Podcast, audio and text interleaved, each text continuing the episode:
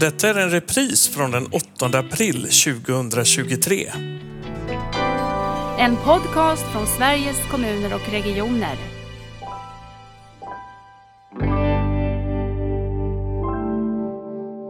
Eh, när vi skyndar oss från en sak till en annan, när vi har mycket på, i arbetsschemat. Och, och, och, det är ju en stress. Och det, jag skulle också vilja likställa ordet stress med belastning. Eh, de har medellivslängd på 94 år, allra eh, äldst i hela världen. Och där är ju, där får man verkligen inte, eh, man ska säga, vilodagen är helig.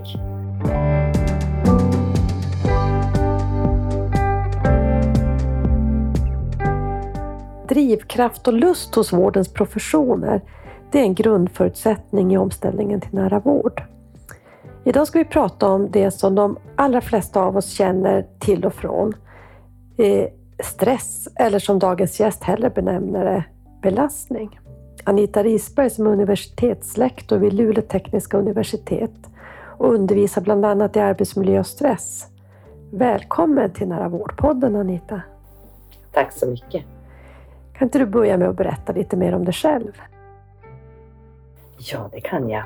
Eh, jag jobbar på Luleå tekniska universitet och där, som du sa, så ansvarar jag för arbetsmiljö och stresskursen, men har också kurser i stressfysiologi, men också andra medicinska utbildningar som ja, medicinska ämnen, till exempel anatomi och fysiologi och så. Och jag är integrativ fysiolog, eh, har skrivit eh, två böcker, den ena om stress, prestation och återhämtning. Men sen är jag också, eh, som alla vi andra så har vi många andra roller också. Så jag är fembarnsmamma, gift sedan eh, ja, snart 40 år tillbaka. Ehm, har ett jord och skogsbruksföretag, bed and breakfast ehm, ja, och eh, ett utbildningsföretag på sidan om lite grann där jag håller föreläsningar. Men för en eh, som lyssnar på det där skulle man ju direkt tänka att oj, hur får hon ihop sin tillvaro? Och så är det just stress och mm. belastning och återhämtning som du är intresserad av. Mm. Men då, alla de här engagemangen är ju så att jag jobbar med andra. Ja. Eh, och till exempel när jag skrev min bok så gjorde jag det med två av mina döttrar. Annars hade inte det, den boken blivit till. Okay. Eh, utan just det här att eh, delegera, samarbeta. Eh, och sen har jag en familj som, som tar det mesta av ansvaret i, i verksamheterna. Mm. Så mm, därför går det.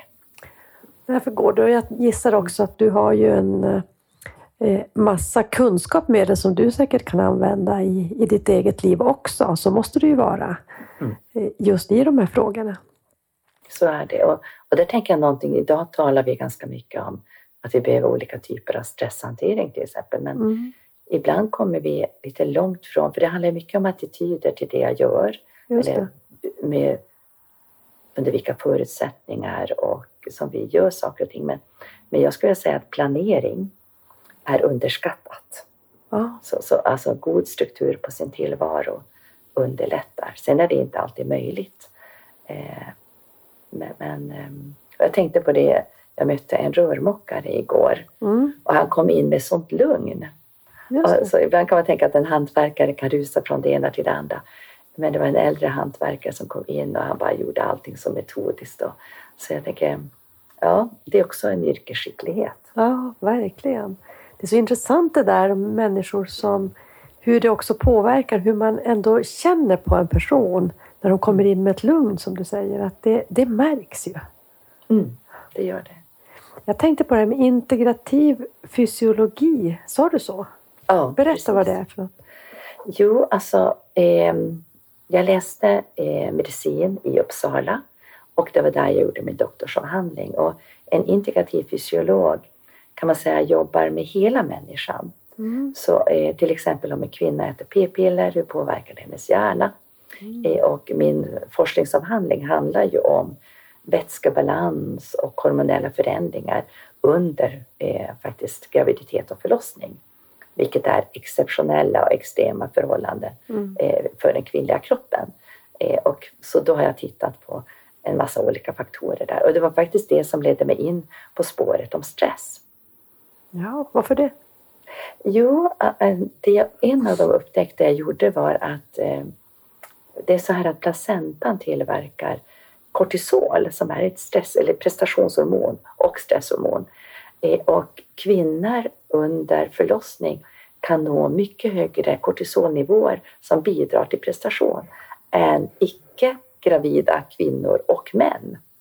Så nivåerna hos kvinnorna låg väldigt högt. Mm. Eh, och det ledde då till också höga glukosnivåer som var ändamålsenliga då, just direkt efter förlossningen. Så jag har också ett vad ska man säga, funktionalmedicinskt tänk. Jag tänker varför det här eh, och vad kommer före, vad kommer efter? Så det tycker jag är så spännande med fysiologin, att man måste veta var står jag nu? Vad är det som har hänt? Och, och, så därför är fysiologin så spännande. Det låter så. Fysiologi skulle jag tänka mig, då, då tänker jag kroppen, men när du berättar om det integrativa perspektivet så blir det verkligen holistiskt. Mm. Tycker du att du ser en, en, ett intresse för det här mer helhetstänkandet när du möter både kollegor i, inom forskarvärlden och när du möter kanske andra delar av samhället? Absolut. Och inte minst bland studenterna skulle jag säga och de jag möter vid föreläsningar att um, dels vill man få ihop sitt liv mm. och jag märker också när man har föreläsningar till exempel att hitta det där som appellerar till det verkliga livet. Um, för att jag är också intresserad av lärande och att också nå individen i dens funderingar och i dens liv så att den får ihop det. Mm. Eh, för jag, jag menar, kunskap om den bara är abstrakt Eh, då har vi inte lika stor nytta av den som om den är konkret. Nej. Det låter inte så där jättevanligt i universitetsvärlden. Är det min fördom? Kanske? Mm, du tänker att man är mer abstrakt i universitetsvärlden? Du tänker så? Ja, eller använda det kreativa på något sätt i, i lärandet. Mm. Jag, ty jag, tycker nog att det kommer, mm. Eh, men det har ju inte varit det allmänna. Och där handlar det också om vilken syn man har på individen och kanske också lite underskattat eh, vad limbiska systemet och känslohjärnan och den möjlighetstänkande som finns i den delen av hjärnan faktiskt gör med lärandet. Och jag tycker det är jättespännande för det finns en struktur i hjärnstammen som är en del i lustsystemet och vi har faktiskt nerver som går på båda hjärnhalvorna mm. som ingår i lustsystemet. Men då är det en struktur där som heter VTA, ventral tegmental area. Och det är bara för oss när vi upplever att vi känner lust för att vi har lärt oss något. Och det kopplar det ofta till kreativitet. Och det här tycker jag om att kittla. Oh, wow! Mm. Hur, mm. hur kom du på det, höll jag på att säga. Men det gjorde inte du, det gjorde ju någon annan förstås. Nej, det gjorde Men inte intressant. jag. Men jag har en, en lärobok eh, som är väldigt omfattande, på, kanske, jag tror på 1100 sidor, som kommer ungefär vart tredje år. Och det är Guyton and Hall, och den amerikanska författare som fångar upp det nya inom fysiologin. Och som idag som lärare så hinner du inte alltid följa med i allting, men då, då ser jag till alltid att vara uppdaterad. Så det är faktiskt i Guide on the Hall som jag har hittat det här. Ja. Jag, jag tänker du eh, beskrev, har beskrivit för mig innan hur du kom in på den här banan och då tänkte jag att det var lite så här jag, jag förstod på det att du var intresserad av någonting med fysiologi men sen gick du estetikprogrammet mm. på gymnasiet. Och mm. Berätta lite om, om det där och, och också vilka du träffar i din undervisning idag. Mm. Eh, när jag gick på gymnasiet så eh, jag har alltid tyckt om att skapa men samtidigt så höll jag på med längdskidåkning, löpning, eh, cykel och, eh, och var på ganska hög nivå i löpning i Sverige. Mm. Eh, och, eh, men jag, ville som pröva om det här med att skapa var någonting för mig. Och, och det har jag behållit i det privata för jag tycker väldigt mycket om att inreda hemmet. Mm. Eh, men jag Sista målningen jag gjorde, då var jag 30 så det är ett bra tag sedan. Ja, kanske någonting man plockar upp när det finns tidsutrymme för det. Men det är ingenting jag saknar nu. Men det har ändå varit, jag är tacksam till den delen för jag kunde använda det vid min avhandling. Till exempel när jag gjorde bilder i avhandlingen. Ehm, jag använde det i undervisning och idag då som du frågade så använder jag faktiskt kreativa moment i undervisningen. Att mina studenter får göra radiopoddar, mm. skriva kapitel i böcker, speciellt i avancerade kurser som stressfysiologi. Eh, där ska de också skriva en uppsats om sinnen. Och det är så lätt idag att vi skriver av texter, vi omformaterar texter, vi copy-paste. Mm. Eh, men om de ska skriva en uppsats om sinnen, då kan de inte plagiera den någon annanstans. Då måste de förstå. Så därför tycker jag de konstnärliga uttrycken är så viktiga. Mm. Eh, och jag använder drama i vetenskapsteori. Mm. Eh, och då är de olika vetenskapsfilosofer. Och då ska de sätta sig in i den rollen och så planerar de dramat och spelar upp för varandra. Och då i den här årskursen då som jag haft nu bland hälsovägledarna. Då var det 26 stycken som bekantade sig med 26 stycken filosofer och vetenskapsfilosofer. Så att... Ja, det hade man ju velat få lyssna och se på. Mm, jo. Vad du, hälsovägledare eh, har du i din undervisning. Vilka andra yrkesgrupper? Eh, då är det också fysioterapeuter och arbetsterapeuter och sjuksköterskor. Just det. Mm. Är det fristående kurs också som man kan läsa arbetsmiljö och stress? Eller? Ja, alltså den har ju gått under väldigt många år och det var faktiskt också därför jag rekryterades. En av faktorerna till att jag mm. rekryterades var att jag hade skapat stressfysiologikurser på Mittuniversitetet mm. 2004 för att nå ut om det här varför vi blir utmattade och så. Eh, men eh, jag har haft så mycket undervisning och det har funnits sådana behov på LTU så just nu är de vilande arbetsmiljö och stress mm. och stressfysiologikurserna tyvärr men det har varit många sökande till de kurserna och jag hoppas att vi snart ska kunna öppna upp dem igen. Jag har faktiskt gått den kursen, men det är ju jättemånga år sedan som du säger. Mm. Det, mm. Den har funnits i många år på LTU. Mm. Om du skulle berätta lite grann om stress och prestation och återhämtning, ta oss in i det här ämnet, vad, eller vad det här handlar om och ge oss lite kunskap i det. Mm. Då skulle jag vilja inleda med att säga att stress som vi kanske talar om i dagligt tal är kanske många gånger när vi känner att vi inte räcker till, eh, när vi skyndar oss från en sak till en annan, när vi har mycket på, i arbetsschemat. Och, och, det är ju en stress. Och det, jag skulle också vilja likställa ordet stress med belastning. Mm. Inom engelskan så har man alltså fler ord för stress. Och eh, när vi talar om stress så kan det Ibland så är det stressorn, alltså det som stressar oss. Är det kyla? Är det mörker? Eh, är det en farlig miljö? Eh, eller är det helt enkelt att vi behöver prestera? Och där blir då övergången att du och jag, vi presterar ju dagligen. Mm. Och, och, det är också någonting som hör till att vara människa, att arbeta. Och, och, det är någonting som är viktigt för att vi ska må, må bra. Men om vi jag skulle vilja säga att drömmen vore om vi alla jobbade åtta timmar, eh, hade fritid åtta timmar och sov åtta timmar. Mm, men tillvaron ser ju inte alltid ut så.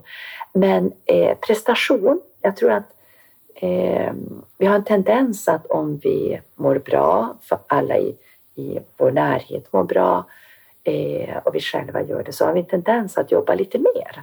Så det ligger nog i mänskliga naturen att vilja vilja åstadkomma saker och ting.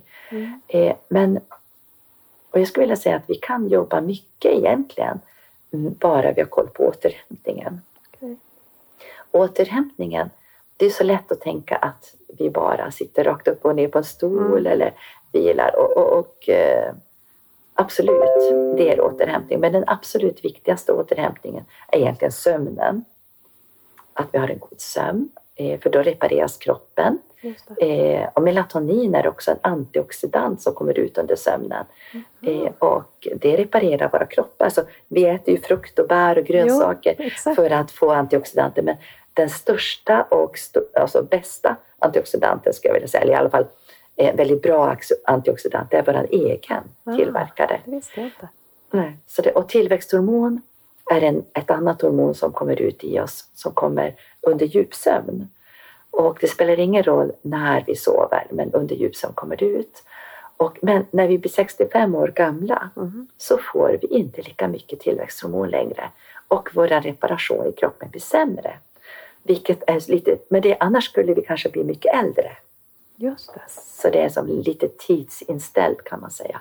Men jag tycker också det är intressant för när vi tittar ut över världen så finns det ganska många platser som vi kallar blue zones eh, där folk blir gamla. Och de har koll på återhämtningen. Okej. De flesta, eller de platserna där det, det praktiseras, dels lever de vid Medelhavet, de har alltid måltidsgemenskap. Många odlar sina egna grönsaker. Eh, men de har också en dag strikt eh, vila. Mm. Eh, och det kan vi också se i Israel som har 48 timmars arbetsdag mot oss 39-40 Just det. så har de nästan ingen utmattning trots att de har samma sjukvårdssystem. Eh, och det här är något som fascinerar mig. Jag har inte svar på frågan. Nej. Men jag har besökt ortodoxa judar, sekulära judar, eh, kristna grupper. Jag har inte hunnit besöka muslimer ännu. Men de, om man tittar bara på de sekulära ortodoxa judarna så firar de ledigheten väldigt likt. De träffas i måltidsgemenskap, de släkt och vänner, speciellt släkt är det, som träffas på fredagskvällen och så äter middag, umgås, barnen springer runt omkring. Eh, och så de uppskattar vilodagen, de uppskattar gemenskap. Även i det sekulära, det har inte Ja. kopplingen till eh, religion, religion eller tro. Eh, Ja, alltså jag tror ju att det finns en dimension till där, Mm. att, att kanske ha tillit till något större än oss själva. Mm. Men, men, men att också se att även de sekulära eh, har på något vis, jag tror det är så i deras kultur, Mm. så när man då kopplar bort Gud, då har man ändå kvar traditionen. Och att traditionen i sig eh, är kulturbärare som också kan ha hälsofrämjande faktorer. Wow. Om du skulle säga, jag tänker också som du säger, återhämtning så får man som en, man får ju en bild i sitt eget huvud. Du säger det handlar inte om att sitta rakt upp och ner. Jag tycker återhämtning har ju kommit att handla ganska mycket om eh, metoder som typ yoga eller annat. Om du skulle ge nya bilder på återhämtning, Mm. hur skulle dina bilder se ut? Mm. Jag, jag tänker ibland till och med att alltså för yoga, yoga mindfulness fungerar ju för en del individer men det fungerar inte för alla. Mm. Och jag tror att för en del kan det till och med vara stressande att lägga till ännu någonting till i sitt liv. Och jag har en jätteintressant händelse under ett seminarium med mina studenter. Då är det en av tjejerna i klassen som läser då mentala träningsmetoder och så ska de redovisa. Och så säger hon så här till mig och till oss alla. Anita, om jag kommer hem och så slänger jag mig i sängen, då känner jag mig lat och dålig. Mm. Men om jag går på yoga eller mindfulness och slappnar av i det, då känner jag mig nyttig. Mm. Och här tror jag har med våra, alltså våra, vi är så prestationsinriktade i Norden Ja. inte minst, och i, i Europa också. Men det handlar först och främst om att du och jag inte ska bekymra oss och oroa oss, utan att inne i våran hjärna får det råda som ett lugn. Nu har jag slutfört det här, eh, kan jag vara nöjd med det här. Att, Mm. och när, när Stockholms universitet, där forskar man ganska mycket på lycka. Mm. Eh, och då har man ett ord för det, att vara nöjd. Så en av de främsta återhämtningarna i, i dagtid, alltså när vi är vakna, skulle jag vilja säga att känna dig content, känna dig nöjd, Mm. som är det du har uppnått. Eh, men sen är det också att när du gör någonting, att göra det med passion, lust och glädje. Så bakar du så kan du baka med att nu måste jag baka, jag måste göra undan det här. Det. Men du kan också baka med åh vad härlig degen är, vad gott det luktar. Och då kanske en del säger att det är mindfulness, men jag säger att det här är före mindfulness. Ja. Jag menar, det är en vanligt sunt bondförnuft. Så, eller att när du läser en bok så är du där. Eller när du möter dina barn, barnbarn, vänner, eh, den du älskar. Du är där, närvaron. Och då är inte en massa annat där samtidigt som vad du ska göra eh, en timme senare. Nej, Så återhämtning tror jag mycket också att vara i nuet. just det. Men är inte det som är det allra svåraste också när man också upplever den här negativa stressen eller belastningen som du säger. Mm. Att också ta sig bortom de här tankarna som oroar eller det man inte har presterat och gjort. Då. Mm. Jo, det kan nästan bli så att det, det spinn, alltså det, det kommer åter hela tiden. Och det är det att ju längre vi går mot utmattning, eh, desto svårare är det att häva det. Och en bild som, om vi lägger till en bild då, så är det många som säger när de har kommit in till utmattning att de inser att det var länge sedan de skrattade senast. Just det. Så det här att, eh, att humorn får finnas bland oss och det tycker jag också kan spegla samhället ibland. Att eh, vi har blivit så allvarliga nu tycker jag, mm. om jag skulle titta på samhället. Mm. Vi får, vissa saker får vi inte skämta om. Ja, Vissa saker har blivit heliga, kanske nya saker som har blivit heliga som vi inte får driva med medan tidigare var det andra saker. Ja, just det. Ja, jag tänker mycket, hur förhåller sig eh, stress och förändring? Nu tänker jag mest på arbetsplatsen eftersom mm. i, i mitt arbete så handlar det om att försöka samordna det stöd vi kan ge till kommuner och regioner för att förändra vårt hälso och sjukvårdssystem till det vi kallar nära vård. Och det mm. finns ju flera komponenter som jag tycker är intressant i samtalet med dig. Dels är det ju vad händer med människor i förändring och hur får man människor att, att inte få en negativ belastning av en förändring. Det är den ena. Den andra är ju också att vi vill se ett, ett hälso och sjukvårdssystem som har mycket mer av att förebygga ohälsa. Och då tycker jag mm. också att det är en dimension. Men om vi börjar med den första. Jag tänker det här att vad händer med oss när vi på arbetsplatsen säger att nu måste vi göra på andra sätt. Nu måste vi förändra vårt sätt att arbeta. Och, eh, har du, kommer du i kontakt med det och, och en negativ ja. belastning? Absolut. Och, eh, men då mitt funktionella tänk ska jag försöka komma till också. Ja. Eh, det finns, vi har ju den fantastiska känslohjärnan som egentligen är väldigt stor inne i oss. Ja. Eh, men vi har ju också i den här tiden så ser vi mest logiken frontalloben hos oss. Det är det, där fattar vi beslut, vi planerar. Men någonstans så glömmer vi bort känslohjärnan. Och när någon på en arbetsplats eller några på en arbetsplats får besked att nu ska vi förändra någonting, mm. då sätter känslohjärnan igång direkt. Mm. Och en del säger ju att det här är så eh, reptila funktioner eller så enkla funktioner. Jag, säger, jag skulle säga att de är avancerade. Mm. Den här personen som får höra att förändringen är på gång börjar direkt tänka, hur ska jag klara den här förändringen? Men det är omedvetet. Så den kanske börjar tänka på, ja men blir det den här förändringen? Vad var det jag ville göra? Jag kanske ska söka mig till ett annat jobb. Mm. Och det är därför eh, som när det blir stora förändringar så är många på väg från jobbet innan den här förändringen har genomförts. Och det här är att i limbiska systemet finns alltså kreativitet, möjlighetstänkande och det är det som triggas igång.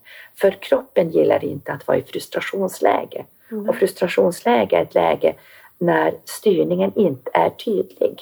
Och, och då behövs det bara sådana här störningar så, så, att vi hamnar i frustrationsläge. Då blir också styrningen i vår kropp sämre. Då vill kroppen göra så att det ska vara en bra styrning och vi ska fatta beslut. Vi ska veta vad vi vill. Och, och därför så eh, går hjärnan i högvarv. Just det. Men kan man eh, hjälpa till? Jag tänker att jag då nu, nu har jag mer en stödjande funktion som, som är längre bort från verksamheterna. Men jag har också varit chef och, och det är många som lyssnar som är chefer. Kan man stödja sina medarbetare? Kan vi stödja varandra kanske jag ska säga? För det här är också någonting som chefen är också en, en människa och medarbetare. Kan vi stödja varandra i ett sånt här tillstånd som är ganska vanligt förekommande i hälso och sjukvård. Det ska göras om saker vi behöver utveckla. Det är en bransch som går väldigt snabbt i utveckling också. Mm. Mm. Jo, absolut, men du har använt ett ord som är jätteviktigt och det är stöd. Mm. Och eh, några forskare som jag beundrar det är Karasek och Theorell. Mm. Och de har ju skrivit krav, kontroll och stödmodellen. Och, och där handlar det om individen som får eh, då stöd från sin organisation och i och med stöden så kanske den känner mindre alltså yttre krav. De inre kraven, det får personen i fråga hantera själv.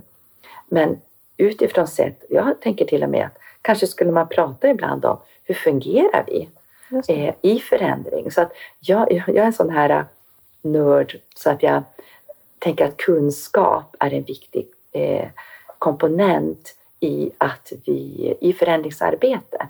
Så till exempel om folk skulle veta att, eh, hur man fungerar i, i förändringar eh, och inte bara alltså både mentalt men också fysiologiskt mm så kanske man skulle kunna ha lite ro att stanna upp och stöd skulle då kunna vara Lisbeth att personer i fråga, alltså när man är i förändring i en organisation, att man eh, går in med stöd och säger att nu vill inte vi omkullkasta er och, och den situation ni är i, utan vi vill på sikt förbättra den. Alltså man, måste, man måste kanske beskriva, skapa bilder där de ser att och det här är inte hotfullt. Eh, utan målet är att du ska få det bättre. Men man måste uttala det väldigt tydligt. Mm. Det tycker jag är fördelen att få jobba med det, den här just förändringen, omställningen som vi pratar om. Mm. Därför att den har en grund i något som jag tycker vi har tappat bort mycket i hälso och sjukvården. Nämligen det här varför valde vi våra yrken? Jo, för att vi vill mm. göra skillnad för andra människor. Och eh, sen har vi blivit så industrialiserade, om jag får sätta det epitetet, mm. så att vi har nästan tappat bort det. Och jag upplever när jag möter medarbetare och vi pratar om det här att eh, man känner att det är ju så här jag vill jobba. Jag vill jobba och ha tid med den jag har framför mig. Jag vill kunna få lyssna. Jag vill också stödja de människorna att vara självständiga, för allt handlar inte om att komma till oss, utan egentligen borde inte vår verksamhet man borde inte behöva komma så ofta. Så att det finns många komponenter som är positiva också. I, all förändring är ju inte av ondo, om man säger så. Absolut inte. Jag tänker också på den här äh, yrkesgruppen som du pratar om som jobbar i vård och i nära vård. Mm. Eh, det är spännande med det här LUS-systemet som jag pratade om. Mm. Där finns det också komponenter som att om du hjälper andra så får du dopaminfrisättning. Eh, och till och med mer än om du tar emot hjälp. Så, och det är därför jag tror så många ändå är kvar inom den yrkeskåren, alltså inom sjukvården till exempel. Därför att man ändå mitt ibland i stress är man ändå kvar. Mm. Eh, men sen så ska vi ju också kanske gå före. Jag tänker att eh, hälso och sjukvården är också en arbetsplats med väldigt mycket kompetens. Mm. Vet hur hälsa eh, kan existera, bibehållas. Eh, och då tänker jag också att man kan ta en person från ohälsa till hälsa. Eh, och att ha, men, då, då, men tänk om vi också skulle kunna gå före att också skapa arbetsplatser som är sådana. Ja men verkligen.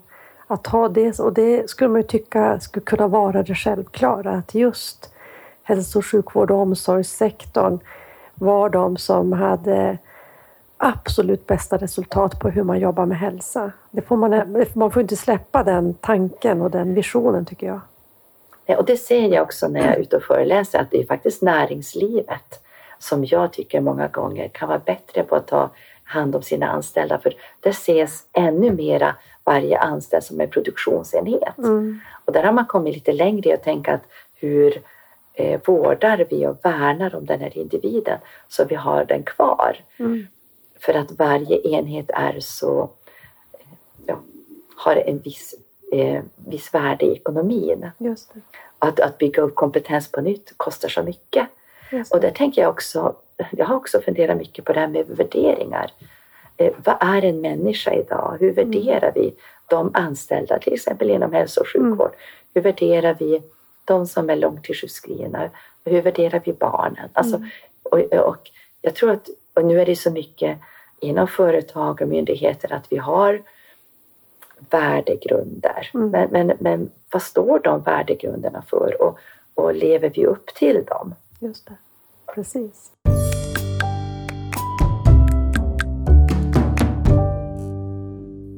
Du sa någonting väldigt intressant eh, inför att vi skulle samtala som handlade om eh, om det existentiellas på något sätt roll också i eh, hälso och sjukvård. Eller, kommer du ihåg? Hjälp mig. Mm. Nej, men jag tänker att i, i en tid, alltså Sverige säger vi hör till de absolut mest sekulariserade mm. länderna. Och det har ju kommit en avhandling nyligt och det, sa jag inte när vi pratade om, men landet som glömde Gud. Mm. Eh, och någonstans där så, men när jag möter eh, andra forskare och så, så är det också så att många upplever ändå Sverige som väldigt vänligt Mm. och väldigt eh, kärleksfullt. Så jag tror vi har väldigt mycket fortfarande, skulle jag vilja säga, att Sverige fortfarande har mångt och mycket fortfarande en kristen värdegrund. Mm. Men eh, vi ser den nog inte. Eh, och så ser vi kanske inte vad en förändrad värdegrund gör med oss också. Men eh, i FNs barndeklaration, FN-konventionen så är det också att barn har rätt till andlig hälsa. Alltså. Eh, eh, och, och där tänker jag också att eh, i det så finns det också för den vuxna att eh, den, den dimensionen kanske också gör att vi är mer stressade ibland för vem är vi i den här världen? Mm. Eh, så att, och gömmer vi mycket existentiella frågor så tror jag att det kan leda till ett dåligt mående. Just det. Jag tänker på det jag var inne på att jag vet att hälso och sjukvården står ju för en ganska liten del av, av vår hälsa. Men jag tänker att det är en samhällsinstitution med mycket kompetens, med stort förtroende hos befolkningen. Och vi skulle behöva jobba mycket mer förebyggande. Samtidigt ser vi att den stressrelaterade ohälsan ökar. Vi pratar mycket om, mer om den och så. Vad tänker du att vi ska kunna göra? För det är lite kopplingen till hur vi lever. Mm. Vi är vänliga men, men kanske utan eh, Gud eller vad du sa. Mm. Eh, vad tänker du rollen skulle kunna vara både i samhället och för hälso och sjukvården? Ja, men jag tänker när det kommer till hälso och sjukvården så är det ju en institution som bidrar med trygghet Mm. och bidrar med tillit. Eh, och det kan det ju bli då om man då är, har jätteont i knät. Man, eh, tant Agda har jätteont i sitt knä. Men det dröjer så länge innan hon får komma till sjukvården Mm. och, och få hjälp att opereras. Då kanske hon förlorar en del av tilliten. Mm. Eh, och, och, men när det då kommer till... Så det handlar också om hur snabbt vill vi stötta och bemöta en människa. Eh, vi jobbar med att helst ska ingen behöva ont, ingen ska behöva lida. Eh, och, och det är mycket det fysiska, Just det.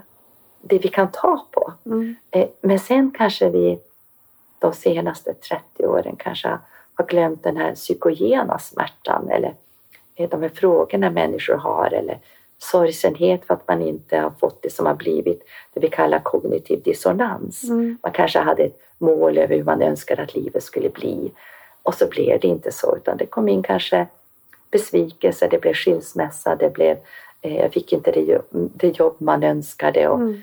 Eh, så, och där kommer en mental ohälsa in. Eh, och då kommer vi till det här, vem är du? Vem är jag? Vilket värde har vi? Och då skulle jag, jag vill påstå att den kristna värdegrunden har ett högre värde på individen, den kristen judiska, än den sekulära. Mm. Och det här är något som är jättekänsligt upplever jag att tala om idag. Mm. Vi har en ganska smal åsiktskorridor. Mm. Men jag tror att, och det finns många studier som visar på eh, att existentiell hälsa, att många hanterar sin tillvaro bättre eh, som har någon typ av tro. Just det. Jag tänker på det här, men om vi går tillbaka till det här med belastning eller stress. Finns det någonting mer att säga? Varför tänker du att belastning kanske är ett bättre ord? Ja, därför att om vi tänker allt som du och jag ser, hör, luktar, smakar, känner och gör under en dag, det belastar oss.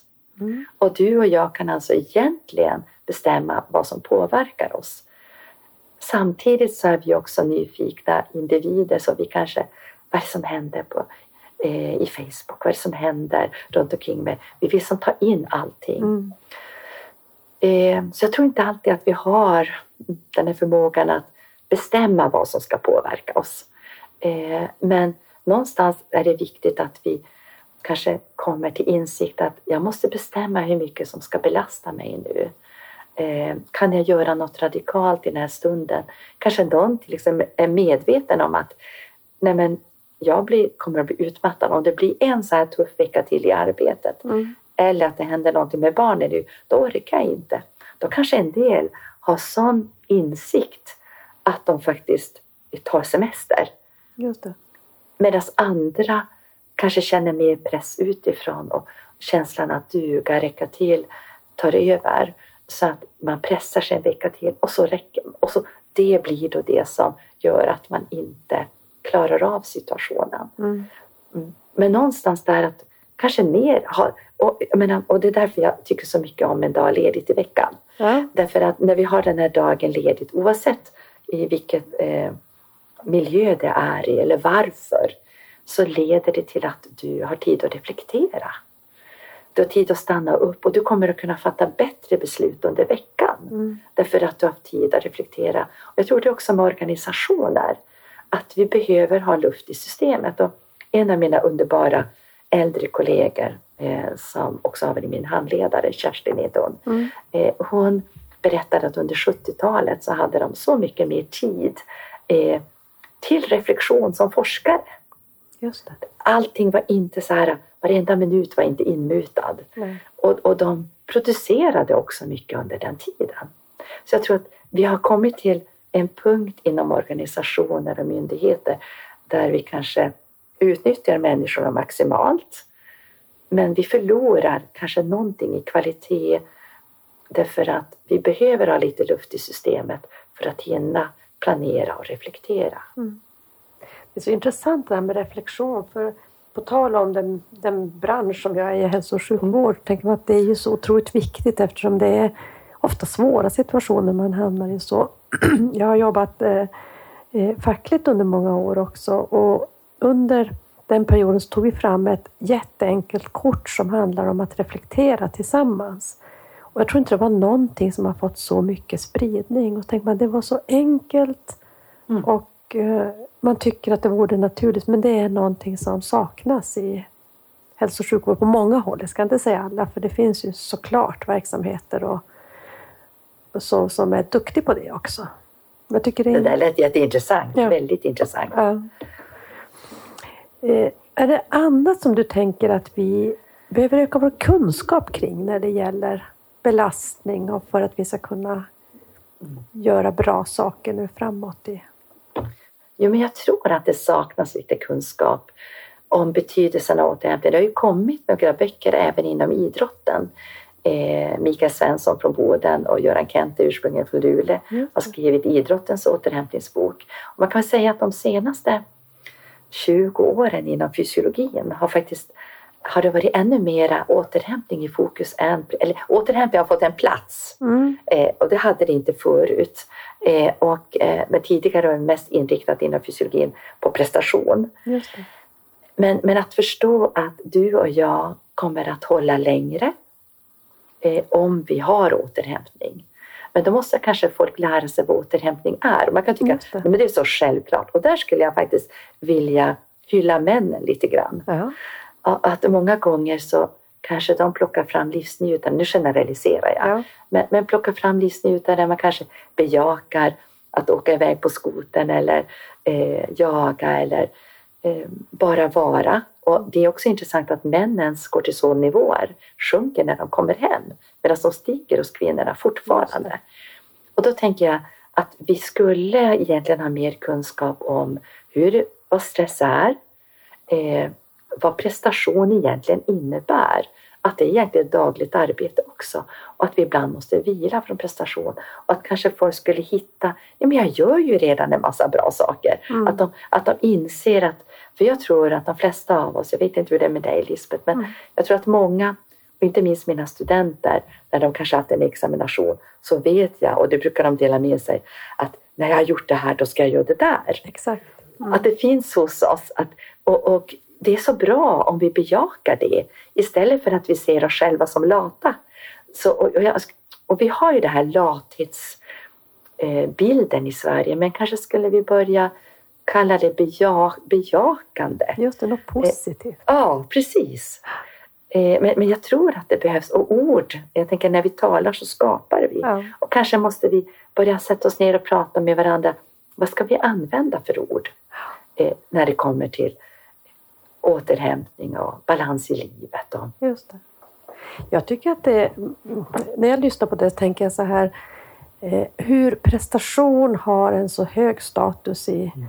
i vårt samhälle och vårt sätt att leva. Mm. Och jag tycker, och det är kanske är mer personligt, att också återhämtning kan få en, en, eh, vad ska jag säga, få en del av prestation i sig. Att nu ska jag också prestera återhämtning. Eh, och det vill man ju verkligen inte. Det ska ju vara det andra som du säger, bejaka det här lata, om jag säger så. Eh, känner du igen det? Att det blir också en prestation i att återhämta sig? Absolut. Att få in det i schemat. Ja. ja, och det är därför jag brukar ha i mina föreläsningar eh, är metoder nödvändiga? Och jag skulle säga för 99 procent av de som lever i vårt land så behövs inga metoder mm. annat än bejakande av vad är det jag vill göra nu när jag har gjort det där? Jag har slutfört mitt arbete.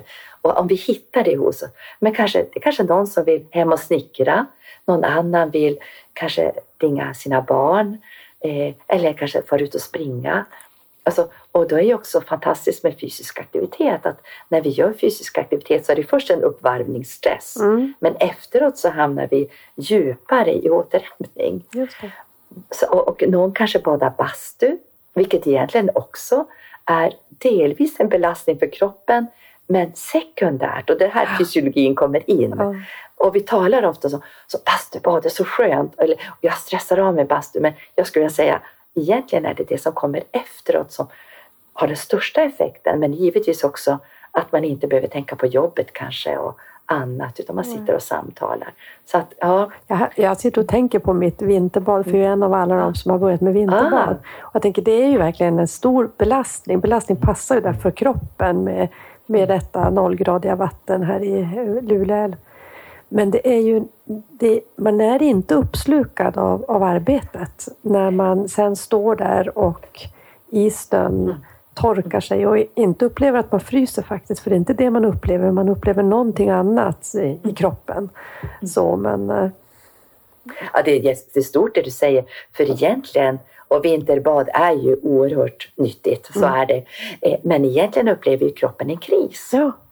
Och, men, men att den har upplevt en kris leder till support, alltså stöd som ger all den här euforin. Ja. Eh, och all den här, alltså kickar i. Och då kommer ju endorfin och det är egentligen för att smärtlindra oss, för att stötta oss. Så men vi får en belöning. Och det tänker jag också, jag har ett avsnitt som jag brukar ta med mina studenter och stressas vi till missbruk. Det är ju mer vi stressar, desto mer kanske vi börjar äta eller dricka onyttiga saker som alkohol. Och, ja. men, men istället för att vi kanske gör som vinter, vinterbadar och så kommer belöningen där. där precis. Mm. precis. Ja, bastubadare är ju också, får jag väl lägga till mm. då, som Tornedalen. Inte så konstigt, ja precis. Nej, precis. Mm. Jag tänker, eh, om du skulle ge lite råd, du sa det här om näringslivet, du tycker ändå att de har varit bättre på det här att, att också arbetsplatser tar ansvar för att vi får en, en, en lagom belastning, en bra belastning som vi kan hålla som människor. Eh, om du skulle ge råd till både professionerna och men kanske framförallt chefer i vården, vad kan man göra då? För jag tycker också att jag lyssnar in struktur, men det kanske är mer på den personliga sidan. Men att eh, det kanske inte är metoderna men ändå struktur att veta den här dagen ledigt i veckan som de har i de här länderna. Det är ju en typ mm. av struktur också, eller mm. traditionen som struktur. Men om vi håller oss till cheferna här i vården, vad, vad kan man göra? Nej, men det, det, är också verkligen, och kanske ibland också, vi förändrar och förändrar och det är bra att vi förändrar. Men kanske ska vi ibland stanna upp och låta någonting verka en tid. Mm. Eh, för jag tror vi är extremt förändringsbenägna i Sverige. Mm. Jag kan bara ta ett exempel från Finland kort innan jag kommer tillbaka. Eh, Finland har ju haft en av de bästa skolorna i världen och de har haft ett system under väldigt lång tid och Sverige har varit förebild. Nu har de gjort en ny läroplan och nu har resultaten sjunkit där. Just.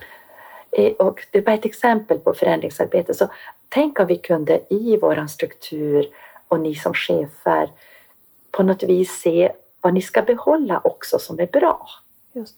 Att man vågar eh, ha kvar det som är bra istället för att när man förändrar så förändrar man allt. Mm.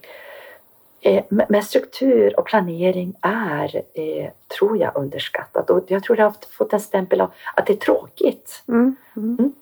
Eh, men har vi en god struktur, men också att man ser till vilan hos, jag tänker på de som använder, alltså, jobbar inom sjuk och hälsovård. Och jag vet ju att många gånger har läkarna bland annat en arbetsscheman som är extrema. Mm. Och där är det också gammal avtalsskrivning som gör att det finns fördelar med att ha det som de har det. Mm. Eh, Men däremot är det ju inte hälsosamt. Jag menar, en lastbilschaufför får ju inte jobba som en läkare många Nej. gånger. Eh, Så någonstans måste vi kanske också våga, och jag vet att jag kan förarga många med det här, men vi kanske måste bryta upp strukturer. Och jag har tillsammans med en kollega på LTU pratat om eh, att vi kanske skulle skapa en provavdelning inom hälso och sjukvården, Mm. en helt ny, Mm. där det inte sitter i väggarna Just det. en önskeavdelning. Och nu vet jag ju att då bär man ju med sig den erfarenhet man har sen förut. Men om man skulle lyckas eh, att skapa, eh, där, där man också, för någonting som kan leda till ohälsa är ju också att ha korta luncher. Man kanske står och äter. Mm. Eh, och att, att, eh, att skapa den här kulturen att det är sunt att sitta ner och äta. Men då är ju arbetsmåltiden, den är ju inte reglerad alltid inom arbetet. Mm. Så därför, eh, och därför kan vi slarva med den ibland också.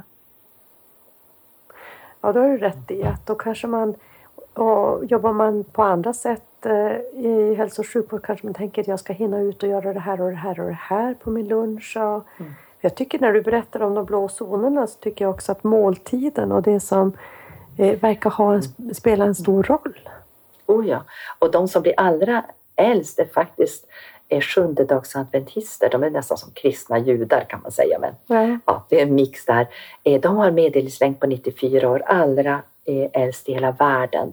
Och där är ju, där får man verkligen inte, eh, man ska säga, vilodagen är helig. Ja. Eh, Och vi har väldigt lite som är heligt i våra samhällen idag. Och he, med heligt menar jag någonting som vi inte vill släppa. Nej. Och, och, och, och de har ex, extrem, extrem struktur. Eh, men i strukturen så finns glädje. I, och där finns det också det finns en longitudinell studie som är gjord i norra Italien.